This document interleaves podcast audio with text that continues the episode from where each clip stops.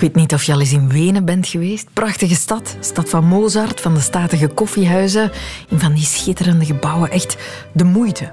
Mocht je daar nu niet meteen geraken om de pracht en de grandeur van die stad op te snuiven, geen nood. In het Weinigem Shopping Center kan je exact diezelfde pret beleven. Tenminste, dat was de bedoeling. Maar dat is serieus mislukt. Ik ben Sophie Lemaire en dit is een snelle geschiedenis van het winkelcentrum. Of the shopping mall, zoals de Amerikanen zeggen. De eerste overdekte shoppingmall werd daar in 1956 geopend, het Minnesota Southdale Center, in aanwezigheid van een fier blinkende Victor Gruen. Die had dat namelijk bedacht, dat shoppingcenter. Victor Grün was een Joodse architect die in 1938 voor het nazisme vanuit Oostenrijk naar Amerika gevlucht was. En toen hij daar aankwam, viel het hem op hoe slecht de Amerikaanse steden, en dan vooral de randsteden, georganiseerd waren. Hij zag al die Amerikanen in hun dikke auto's aanschuiven langs drukke banen om enorme parkeerterreinen op te rijden, om dan enorme winkels te kunnen binnengaan. En als de boodschappen daar gedaan waren, stapten ze weer in, reden ze naar de volgende parking en gingen ze daar weer een enorme winkel binnen. Hij begreep er niks van.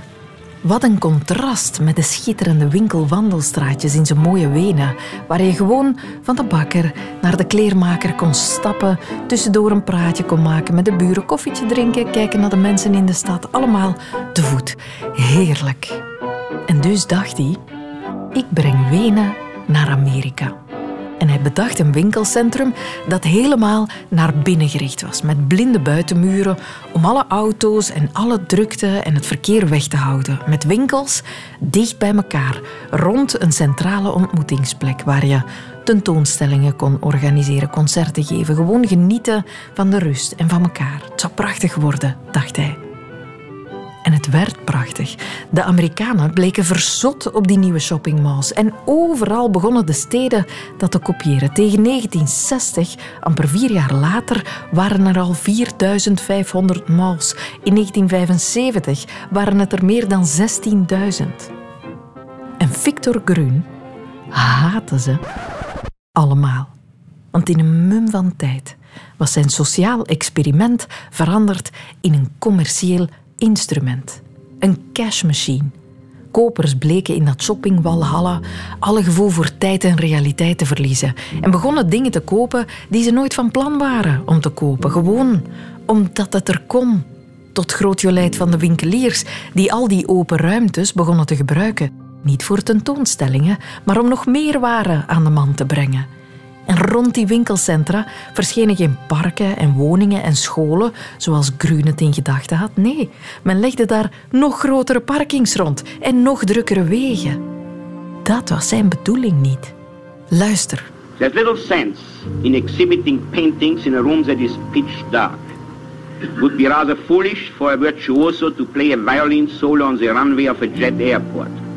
There's just as little sense in placing brilliantly designed buildings into an atmosphere of danger, noise and fumes which an unworkable, hostile environment creates. Je toont toch ook geen schilderijen in het pikken donker, zegt Grun hier. Je laat toch ook geen virtuoze violist spelen op de landingsbaan van een vliegveld. Dat is net zo zinloos als een schitterend gebouw in zo'n smerige, ongezonde omgeving neerpoten.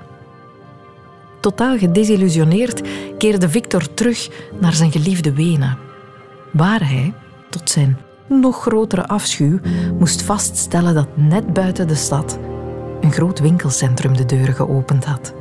En dat dat winkelcentrum, een pak kleine winkeliers in de stad, het faillissement had ingejaagd. Hij wilde Wenen naar Amerika brengen, maar hij had Amerika naar Wenen gebracht. Victor Grun wordt tot vandaag tegen wil en dank herinnerd als de father of the shopping mall. Of, zoals hij ze noemde, those bastard developments that destroyed our cities.